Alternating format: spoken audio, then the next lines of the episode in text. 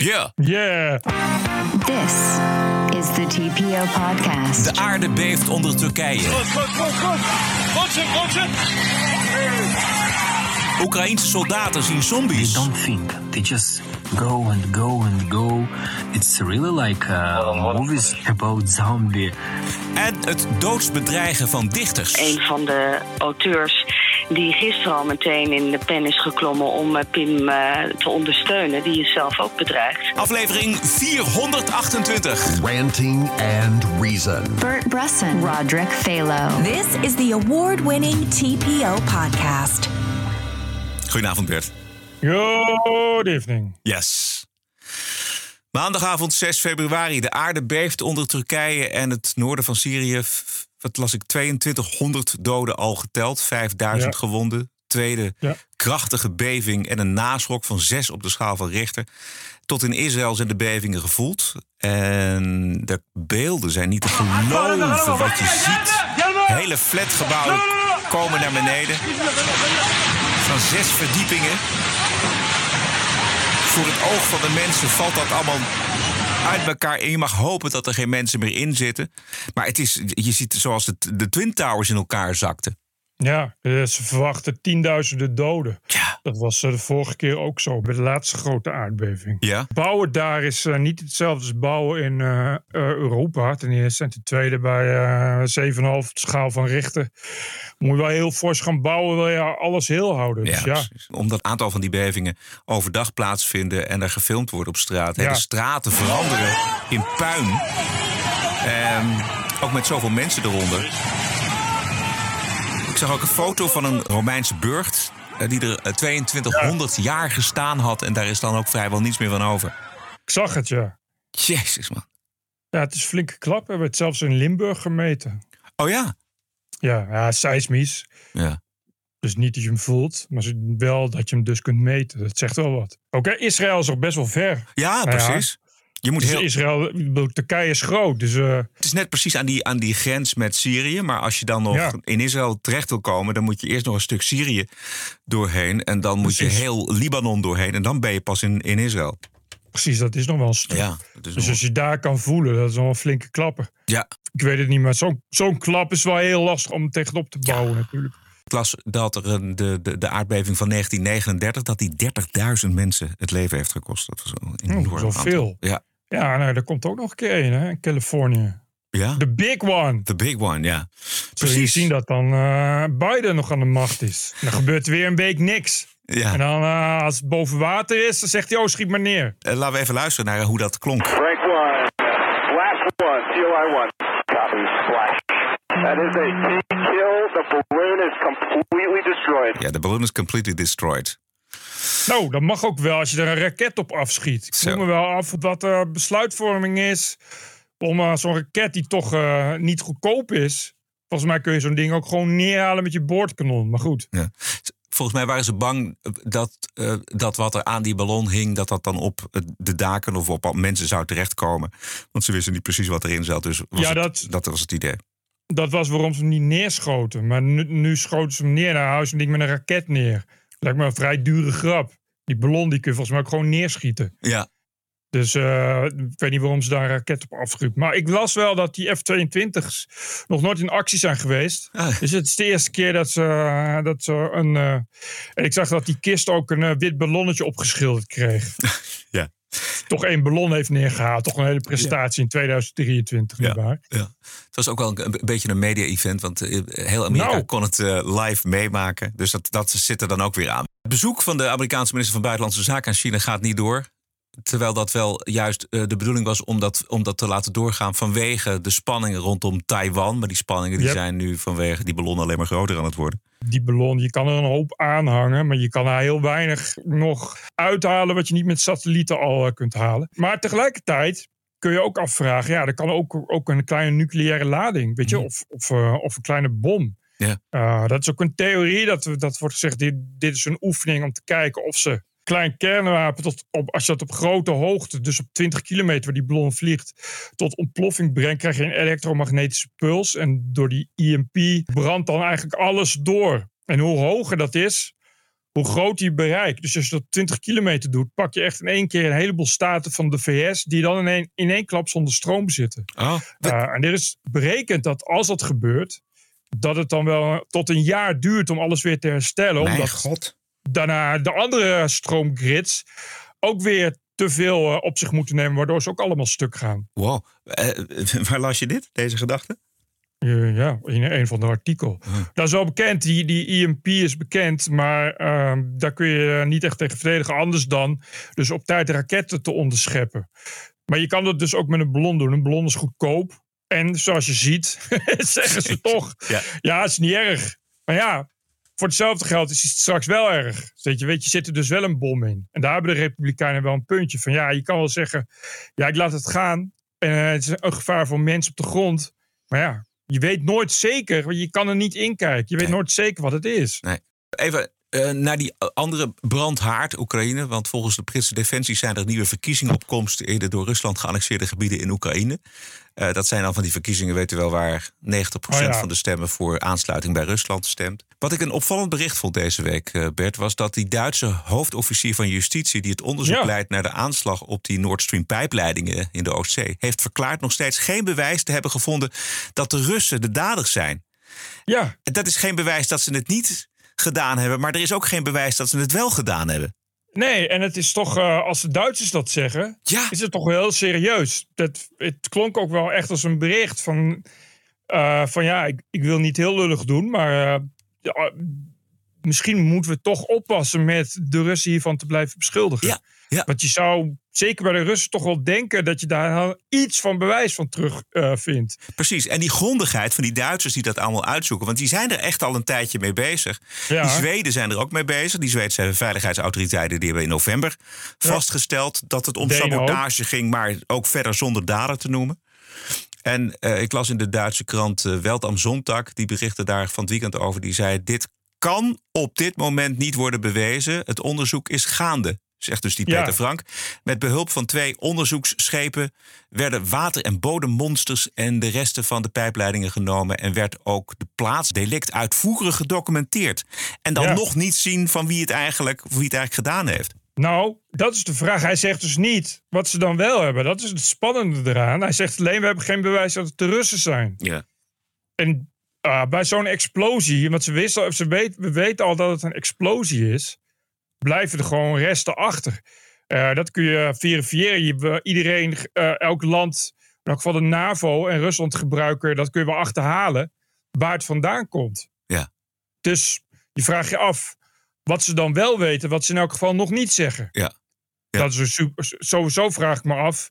Wat nou als ze dat onderzoeken en het wijst naar de Amerikanen? Gaan ze dat dan zeggen? Precies, exact. En daar, zeggen ze dan, oh, misschien toch eens even overleggen eerst voordat we het zeggen. ongelooflijk zou dat zijn. Want eh, de, enige die ooit op een dergelijke aanslag zinspeelde... was natuurlijk die Amerikaanse president Joe Biden. Luister maar. Precies. If Russia invades, uh, that means tanks or troops crossing the, uh, the, the border of Ukraine uh, again. Then uh, there will be uh, we there will be no longer a Nord Stream two.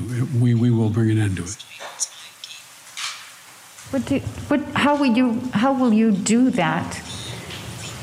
Exactly, since the project and control of the project is within Germany's control. We will. Uh, I promise you, we'll be able to do it.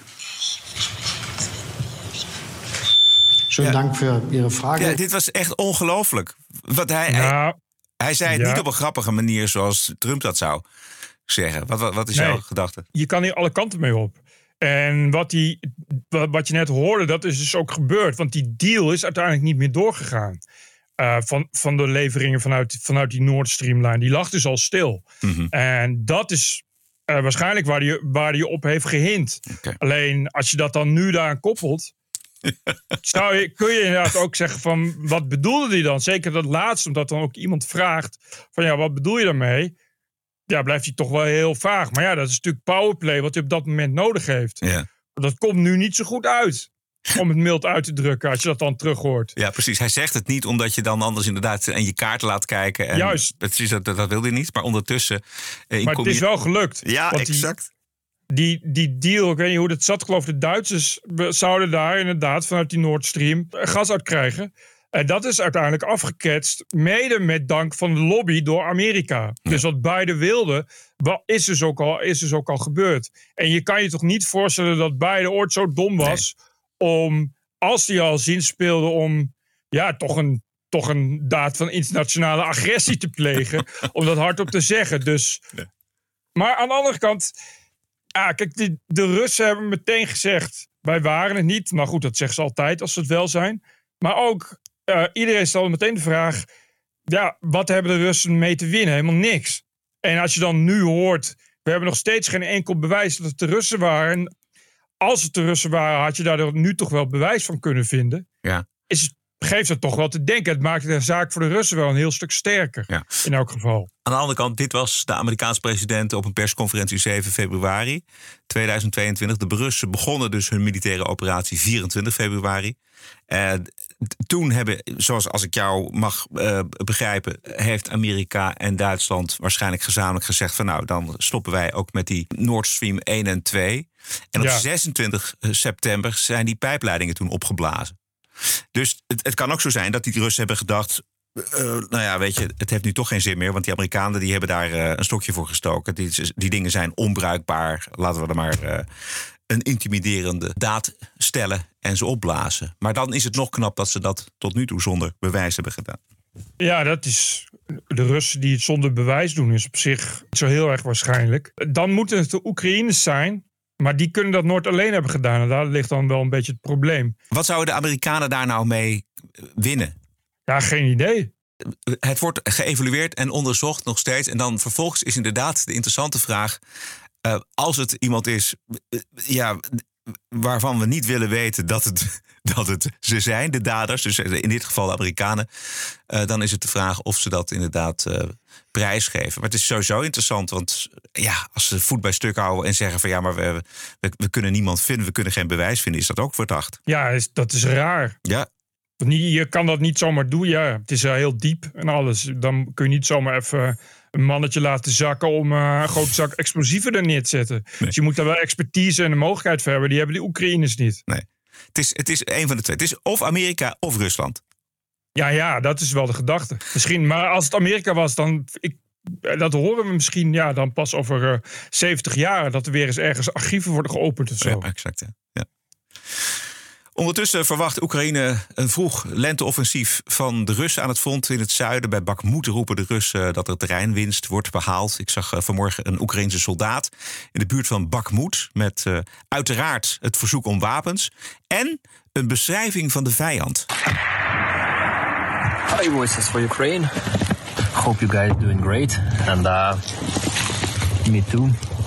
Uh, you can you can hear how our artillery working working against the enemy's position. Uh, we continue fighting, continue stay here uh, near Bakhmut, and uh, our mood is good. Everything is okay. Day by day, we fight here while waiting the Western support. Uh, I mean, tanks and uh, weapons and all this uh, stuff to win this win this war against evil, against zombie. I don't know how to say they are really zombie. They don't care about the dead soldier. They continue going and going, and uh, it's it's really like uh, movies about zombie. Um, when they they don't think, they just go and go and go. I wish you a good day and uh, thank you for support. Ik zie dat helemaal voor me. Hè? Die gevangenen die dan bij elkaar zijn gebracht en als een soort voorste linie vooruit wordt gestuurd. Die wordt opgeschoten. Die mensen hebben geen enkele training of wat dan ook, of dekking. Ja. En die Oekraïners die weten niet wat, ze, wat er op ze afkomt. Zombies, zegt hij. Klinkt wel bizar dit. Ja? De zombiefilm, die waren volgens mij in de jaren zeventig waren die populair. Eh, het is Aha. de enige film waar ik een keer er ben weggelopen. Omdat ik het niet meer aankon. Ik weet nog heel goed. Ja, ik was in Zwitserland. En het was een regenachtige dag op vakantie. En toen ben ik met mijn vrienden, gingen we naar de film. En wij dachten zombies, ja, dat is leuk, lachen. Nou, het was echt verschrikkelijk gewoon. Echt met splinters door ogen en waanzinnig gefilmd en zo. En die... eh, ja, nee, dat was niet, niet. Ik was een jongetje van 16, volgens mij 15, 16 jaar. Ah, oké. Ja. Nee, als kind is dat dan misschien wel weer anders, ja. Ja. Ja, Maar je hebt het beeld wel, hè? nee, ik heb het beeld, ja. Beeld van het Dit- front opeens. Ja. Maar dat had, ik, dat had ik altijd. Het klinkt allemaal verdacht veel als de Eerste Wereldoorlog. Ja. Ook in, eh, met een, een loopgravenoorlog. En gewoon lui die eh, als zombies dan maar niemandsland inlopen. En dan naar, voor, naar voren lopen. Ja. Net zolang tot je mannen op zijn, zoiets. Gadverdamme. Als Oekraïne zou ik denk ik ook vragen om nieuwe wapenleveranties en F-16 gevechtsvliegtuigen. Maar eh, Biden heeft volgens mij nee gezegd, hè? Die- komen Ja. er niet. En Ja. van Europa krijgt hij ze ook nog niet, volgens mij. Nee, eigenlijk hebben alleen de Fransen de mogelijkheid opengehouden. Ja. De Krim zou daar best eens eh, de belangrijkste reden voor kunnen zijn. Want ja, als de Krim wordt aangevallen met F-16's, dan wordt dat wel als een aanval op Rusland beschouwd. Meer nog dan de Donbass. Dat en F-16's zijn duur en die maak je niet zomaar. Onze vrienden van Breaking Points, Sagar en Crystal, die waren op bezoek deze week bij Joe Rogan. En die hadden het ook over dit onderwerp. We just want Ukraine to take back what it originally lost. And uh, listen, I, if I was Ukrainian, I'd be pushing for the same thing. Absolutely. I have 100% sympathy. They are not in the wrong here. They've been invaded by a foreign and aggressive power. That said, like we got to think about what's best for us. Right now, there's a New York Times article uh, about U.S. warms to helping Ukraine take back Crimea. I'm like, well, hold on a fucking second. I'm not saying it's just that Russia took Crimea in 2013, but they formally annexed it. And if you ask people in Russia, Crimea is Russia. So if they use, if Ukraine uses a Pentagon provided F 16 to bomb Crimea, now what?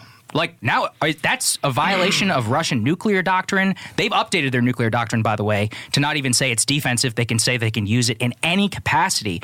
Ja, dit dus. Ja. Je kan daar met tanks kun je dus eh, net als eh, met de Chinese zogenaamde weerballonnen kun je zeggen dat ze per zijn afgedreven en heel per boven je insta- lanceerinstallaties terechtkomen.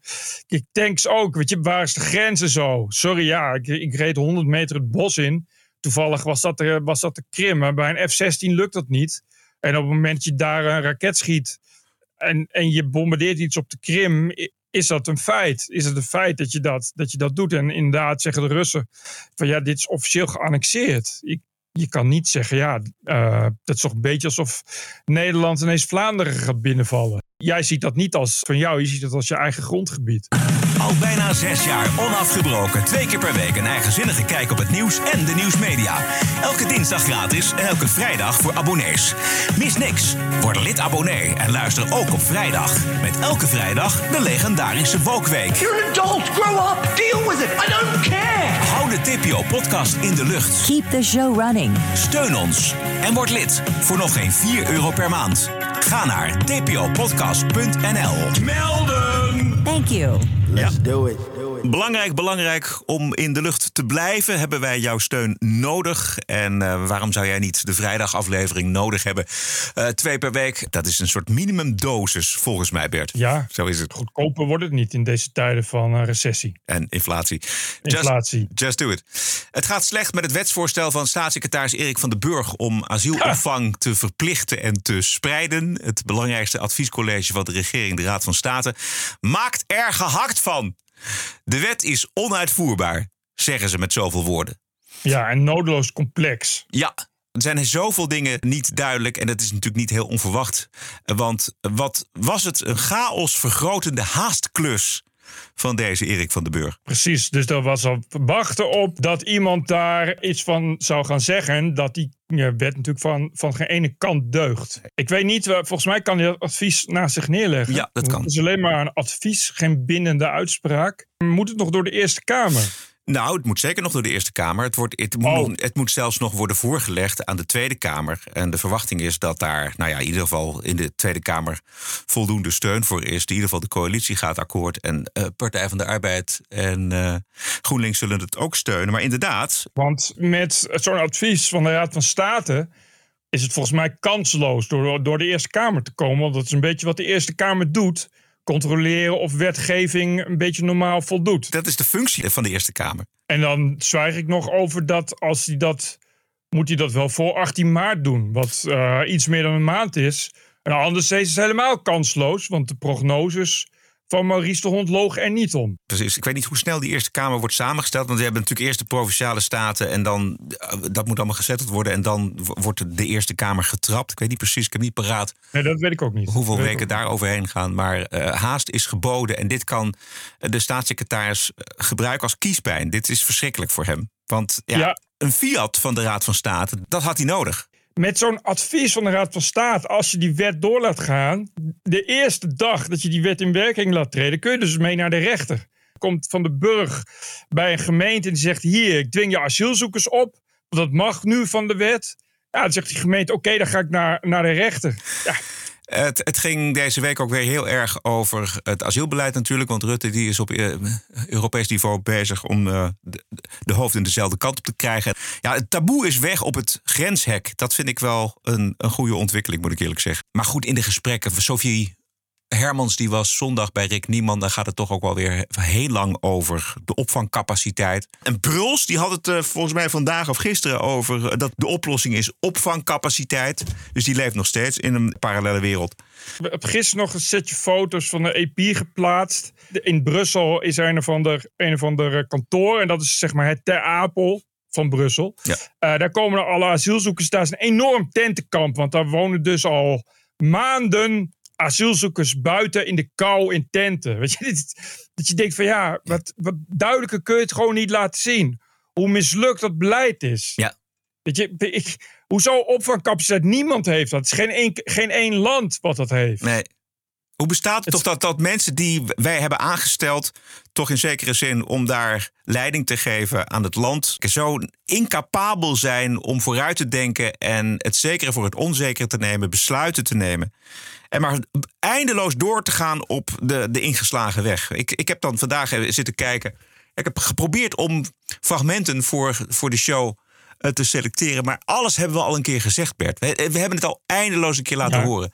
Ja. Ik kwam toevallig op een eh, bijeenkomst van de VVD terecht met de staatssecretaris Erik van den Burg en met eh, Ruben Brekelmans. En die staan daar dan te praten en de, en de goede gemeente gerust te stellen. Alsof de VVD nooit daar op die post heeft gezeten. Dit is allemaal erfenis ook Ja, van Andy Broekers is. knol, weet Het je. enige waar je dan mee komt is een niet uitvoerbare wet die bijvoorbeeld al kansloos is. Van den Burg die heeft gezegd het advies eh, te zullen bestuderen. En hij zegt ook nog, eh, onze inzet is om het wetsvoorstel zo spoedig mogelijk naar de Kamer te sturen. Als je kijkt hoeveel moties het kabinet naast zich neerlegt en, eh, zich niks aantrekt van nou ja, wat burgers in het land vinden, et cetera, weet je wel. Dan kan ik me ook nog voorstellen dat ze dit, dit, dit, dit advies van de Raad van State gewoon terzijde schuiven. En gewoon doordrukken. Net voordat er een nieuwe Eerste Kamer is. Ja, ja, hij heeft geen andere optie meer natuurlijk. Dus de enige erfenis van de VVD die nog te redden is, is dit. Ja. Het is een, een prutteldossier geweest. Twaalf jaar lang bij de VVD. Laat maar Ja, pruttelen. en- Het, is, het heeft geen haast, het zit geen urgentie achter. Laat maar pruttelen. En voor de kiezer, kijk, zelfs als die wet werkt, die kiezer wil gewoon geen asielzoekers meer. Die willen een einde aan de overlast. Die natuurlijk niet minder wordt, alleen maar meer. Nee, maar eh, los van de overlast precies. Maar wat dacht je van de huizenmarkt? We, hebben te weinig huizen. Mensen eh, wachten 12, 15 jaar op een huis. Nu eh, asielzoekers gaan voor. Dat is een recept voor ellende. Ze hebben nu vanaf van, sinds vandaag op station Maarhezen. Dat is een pittoresk dorpje in Brabant. Dat ligt vlakbij Budel. En Budel heeft een asielzoekerscentrum. Op station Maarhezen hebben ze vanaf vandaag 100% toegangscontrole. Eh, zelfs de pers doet het niet meer moeilijk over waarom. Namelijk asielzoekers die zwart reizen en agressief worden als ze worden gecontroleerd. En dat willen ze dus. Ze kunnen dus niet voorkomen dat asielzoekers zwart reizen en agressief worden. Maar nu kunnen ze geval voorkomen dat asielzoekers zwart rijden en agressief worden in de trein. Nu worden ze agressief buiten de trein. Nou heb ik even gekeken, maar Hezen heeft al eh, regelmatig extra toezicht door handhavers met politiehonden, gericht cameratoezicht, extra beveiliging, extra politiesurveillance. Werkt allemaal niet. Nu is dus op station Maarhezen 100% toegangscontrole bijgekomen. Als je daar woont en je moet elke dag met de trein, wat moet je dan nog denken? Het dédain van politici als Erik van den Burg en ook de minister-president om hier verder geen rekening mee te houden. Dit is precies wat, wat, wat, de Voogd en René Cuperus afraak Nederland noemen. Mensen in de provincie Brabant in, in dit geval, die, waar niet meer naar wordt omgekeken, waar klachten niet meer serieus worden genomen. Lekker doorpruttelen, het prutteldossier. Ankie Broekers-Knol, Erik van den Burg. Ze kunnen niks, ze doen niks, ze hebben het lef niet, ze hebben het inzicht niet. En Rutte laat het maar lekker pruttelen. En nu, vlak voor de verkiezingen, en nu die waarschijnlijk eh, opeens doorheeft, oh jee, er is wel degelijk wat aan de hand, gaat hij op het allerhoogste niveau in Europa pleiten voor, uh, ja, voor wat eigenlijk? Voor minder asielzoekers. Bert Brussen, Roderick Balo. Ranting and Reason. This is the TPO podcast. We moeten het even hebben over dichter Pim Lammers. Hij wordt bedreigd wegens een verhaal dat hij acht jaar geleden schreef over een relatie tussen een trainer en een tiener. En hij zou het gedicht voor de kinderboekenweek schrijven. U kent het verhaal. En daar ziet u nu vanaf vanwege de doodsbedreigingen. Inmiddels worden ook mensen bedreigd die het op sociale media voor Pim Lammers opnemen. Zo zei Geneviève Waldman van de groep Algemene Uitgevers zondag in Met het Oog op Morgen. Dit is eerst presentatrice Mieke van der Wij. Het is toch opmerkelijk, want veel schrijvers veroordelen die bedreigingen. Maar we hebben een behoorlijk aantal van hen gevraagd te reageren.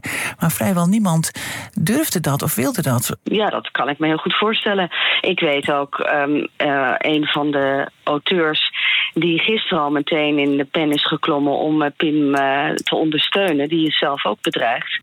Tja. Het is ziekmaker tot en met. Salman Rushdie wist je in elk geval nog waar het vandaan kwam. Ja. En waarom. Of in elk geval kennelijk waarom. Maar dat wisten we al, dat ze bij uh, uh, islamitische dictaturen niet zo gek zijn. Helemaal niet op schrijvers uit het buitenland. Maar in het vredige, weldoorvoede, goed opgeleide Nederland, anno 2023, is uh, elke soort van literatuur kennelijk nu ook al reden tot een soort, ja, hoe zou ik het zeggen, een soort, soort domrechtse jihad. Ik begreep, het startte allemaal vanuit een christelijke actiegroep met een petitie Ja. tegen Lammers. Dus wat dat betreft, die, die religieuze verdraagzaamheid, ja, die is Maar die- wereldberoemd natuurlijk. Ja, maar die, die christelijke actiegroep... die komt voort uit die hele enge rechtse conservatieve katholieke club. De Civitas Deus of zoiets. En Wiebren van Haga Ja. is medeschuldig. Ja. Die heeft kamervragen gesteld. We hebben nu dus een Kamerlid dat Kamervragen stelt over de inhoud van literatuur Oh. in 2023 in Nederland. Ik werd er gewoon misselijk van. Ja. En die mensen die dat doen,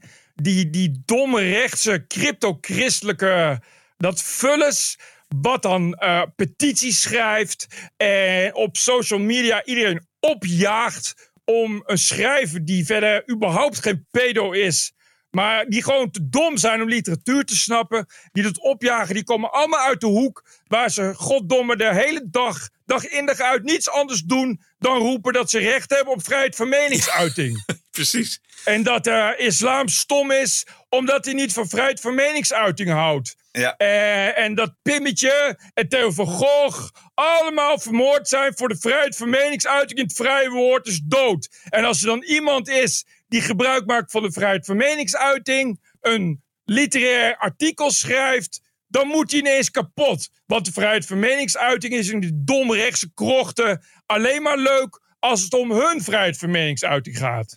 Zo'n kotsen gewoon. Ja. Zo'n Wieberen van Haga. We hebben, we hebben het afgelopen vrijdag gehad over hoe de politiek ook inwerkt op de kunsten via de, het Stedelijk Museum. Daar hebben we het vrijdag uitgebreid over gehad. In de Wokweek. Terugluistertip voor iedereen die nog geen vrijdag abonnee is. En zo'n politicus die zich dan hier tegenaan bemoeit. Het is met geen pen te beschrijven. Bij woke, die zijn al gewoon dom en rancuneus en narcistisch. Maar dit is voorbij dom en rancuneus en narcistisch. Ja. Eh, dit is bewust flirten met fascisme. Weet je, de romantiek opzoeken van geweld en macht. Ja. Het komt uit die hoek en het zijn allemaal van dat soort mannetjes... die op websites als reactionair.nl uit de FVD krochten... komen gekropen als ratten uit holen om dan ineens zeggen: Oh, we hebben iemand die we misschien wel pedo kunnen halen. Snel! Deel de fakkels en hooivorken uit. We mogen weer. Hoera! Uit naam van het beschermen van kinderen. Het zijn dit soort mensen ook die Och. gewoon hun eigen kinderen lens slaan thuis. Het is allemaal compensatie. Het wordt dan ook pedoporno genoemd. Die jongen die schrijft een verhaal wat niet over hem gaat, maar het is een verhaal. Daarom heet het ook literatuur. Het is verzonnen. Misschien moeten we dat voortaan ook maar op boekjes drukken. Dus net als dat woke trigger warnings wil, moeten we nu voor domrechts pus op boeken zetten. Dit is een roman, dus verzonnen. Anders snappen ze het niet en denken ze dat het echt is. Uh, een verhaal uh, wat pro juist probeerde inzichtelijk te maken hoe dat dus mis kan gaan. Want het ging over een jongen die, uh, geloof op voetbal zit. En een trainer die zich aan die jongen vergrijpt. En die jongen niet weet wat hem overkomt. Maar dat behalve schaamtevol en angstig ook wel lekker vindt. Dat heb je als je zeven jaar oud bent. Kan het gebeuren? Dus hij doet wat kunstenaars moeten doen. Namelijk iets onder woorden brengen wat je anders niet onder woorden kan brengen. En dan ook nog eens een keer een beetje een oud verhaal, wat gewoon in een literair blad heeft gestaan. Uh, wat dan naar boven wordt gehaald. En terwijl je eigenlijk weet dat in werkelijkheid uh, die mensen gewoon willen dat hij kapot gaat, omdat hij, ja, hij krijgt een prijs voor een boekje dat heet, een kinderboekje, dat heet uh, hoe het varken en schaap werd. Dus dat gaat over iemand die in transitie gaat. Ja. ja en dat, dat mag niet van domrechts. En, en net als Woke uh, boeken wil verbieden. Uh, om, om, omdat daar het woord neger in staat, of weet ik veel wat, wil nu het domrechtse woke wil nu ook boeken verbieden. Ja. Omdat er dan misschien wel kinderen te leren krijgen wat waar is. Namelijk dat er mensen zijn die pedofiel zijn. Dat er mensen bestaan die in transitie willen, die van geslacht willen wisselen. Dat er mensen zijn die op vroege leeftijd ontdekken dat ze homoseksueel zijn of weet ik veel wat. Nou ja, gewoon dingen die gewoon allemaal waar zijn. En dit soort lui, ja, het zijn dezelfde mensen die ook klimaat ontkennen en corona ontkennen en denken dat er uh, Bill Gates chips in vaccins zitten. en dat ze, dus het komt allemaal op hetzelfde neer dat ze de waarheid niet kunnen accepteren. En vroeger waren dat soort mensen netjes weggestopt onder een steen in de tuin. Maar nu is er social media en kunnen die mensen daar vrijelijk op terecht om middeleeuwse brandgerichten op te richten. Om daar bij willekeur wat schrijvers op te zetten en ze kapot te maken. Puur en al omdat ze dan weer eens lekker rancuneus bezig kunnen zijn. En elkaar kunnen vertellen hoe goed ze toch zijn dat ze bezig zijn met het jagen op pedo's. Die natuurlijk nooit pedo's zijn, want je weet dat bij pedojagers altijd de verkeerde het slachtoffer is. En die Wieben van Haga die is lekker bezig, want die heeft zitting genomen in de coronacommissie over de COVID-pandemie. Die de heer Van Haga niet als pandemie wenst te zien, evenals zijn uh, FVD-maatje Pepijn van Houwening. En nu dreigt uh, de hele commissie te stranden, want. Nee, het is vandaag alweer goed gekomen. Oh, vertel. Het is al, ja, nee, het is uitgepraat. Van Haga en Van Houwelingen blijven er gewoon in. En we gaan gewoon verder met de opdracht die ons gegeven is. Maar we hebben wel onderling afgesproken dat we niet meer lekken naar de pers. En het werd afgedaan als roddel en achterklap. Nah. Ja, ja, nee, ja, het is gelekt naar NSC. En ik ja. kan me niet voorstellen nee, nee, dat nee. NSC ja, dat... over één nacht ijs gaat. Maar ja, uh, dat werd natuurlijk al snel duidelijk.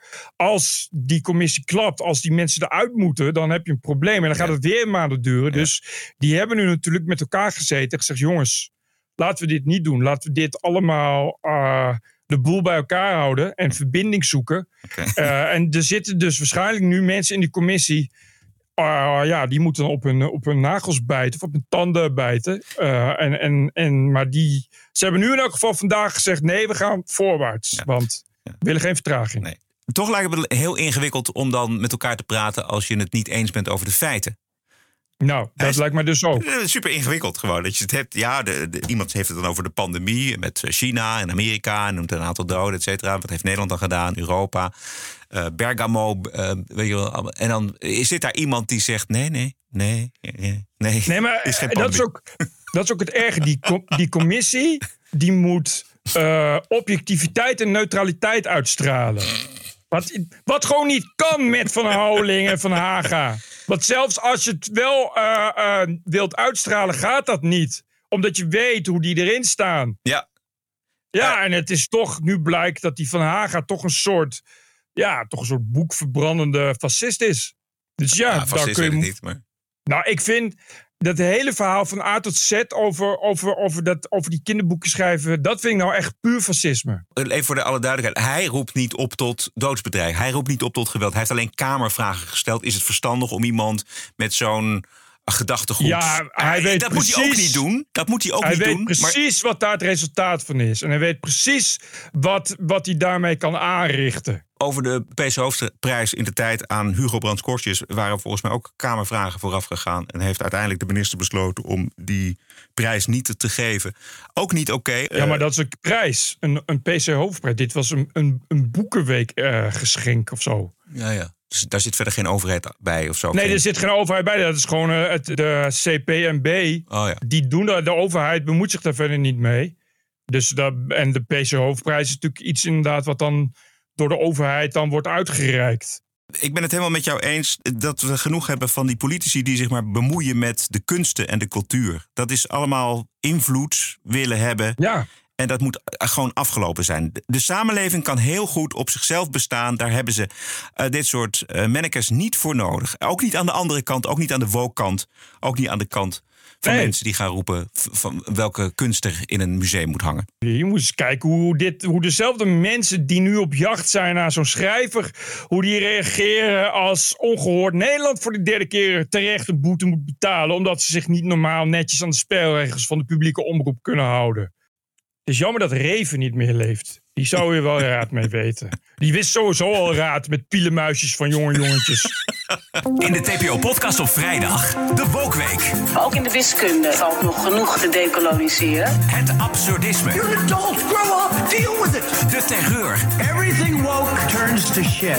En het verzet ertegen. This cancel culture is gonna end, end, end. De Wokweek in de TPO-podcast op vrijdag. Lid worden kan via tpopodcast.nl. Nog meer? Nee, dit was wel een beetje zo eh, het nieuws. Het ging inderdaad heel veel erover. Over de spionageballon. Waar, je zag toch wel ook de, hoe inderdaad er meteen een soort media frenzy ontstond ook, hè? Het is echt inderdaad livestreams en live coverage en zo over een ballon. Ja. Ik zag op geen stijl, eh, Bart Nijman van Rossum had aan, aan, aan die chatbot, die ChatGPT, Ja. Ge- gevraagd wat is er mis met de mediapluriformiteit in Nederland. En dat ding geeft dan gewoon een antwoord van nou, er is heel veel op af te dingen op de mediapluriformiteit in Nederland. Want de kranten zijn in de handen van bijna eh, twee uitgevers, et cetera, et cetera. Dat vond ik dan wel grappig. Dat er kennelijk zoveel over is geschreven de afgelopen jaren, dat zelfs die chatbot dat nu weet. Ja, maar dat, dat had niet zoveel met die ballon volgens mij te maken. Want die, nee, nee, nee. die, ballon is over de hele wereld volgens mij gecoverd. Omdat het gewoon leuk is. Er was, volgens mij is er ooit eens een keer een cabaretier geweest. Ik weet het niet meer wie. Maar die zei van als je een koe in de wei zet. En je zet er een camera op voor de televisie. Dan de volgende dag staat heel Nederland in de rij om de koe te mogen zien. Juist. Nou, dit, klopt, dit klopt wel, eh, denk ik, vrees ik, ja. Nog één dingetje. Juice Queen Yvonne Koldewijer. Die eh, luistert volgens mij ook naar de TPO-podcast. Hoogstwaarschijnlijk. Oh ja? Want wij hebben haar opgeroepen om in beroep te gaan... tegen de gecremeerde krokettenuitspraak van de rechter. En wat doet ze? Ze ging toch niet in beroep? Ze gaat wel in beroep. Oh, dat zou heel goed zijn, ja. Telegraaf. Yvonne Koldewijer gaat in hoger beroep tegen de uitspraak in de zaak die Rachel Hazes tegen haar heeft aangespannen. Heel Dit maakte juist. ze maandag bekend in een video op haar YouTube-account. Dat kon er wel eens wat worden, want dat is natuurlijk wel. eh, dat wordt een baanbrekend beroep, omdat eh, ja, het gaat dus toch inderdaad over wat is precies de grens van, van belediging en vrije meningsuiting. Ja. Dat nu een rechter dan zegt van ja.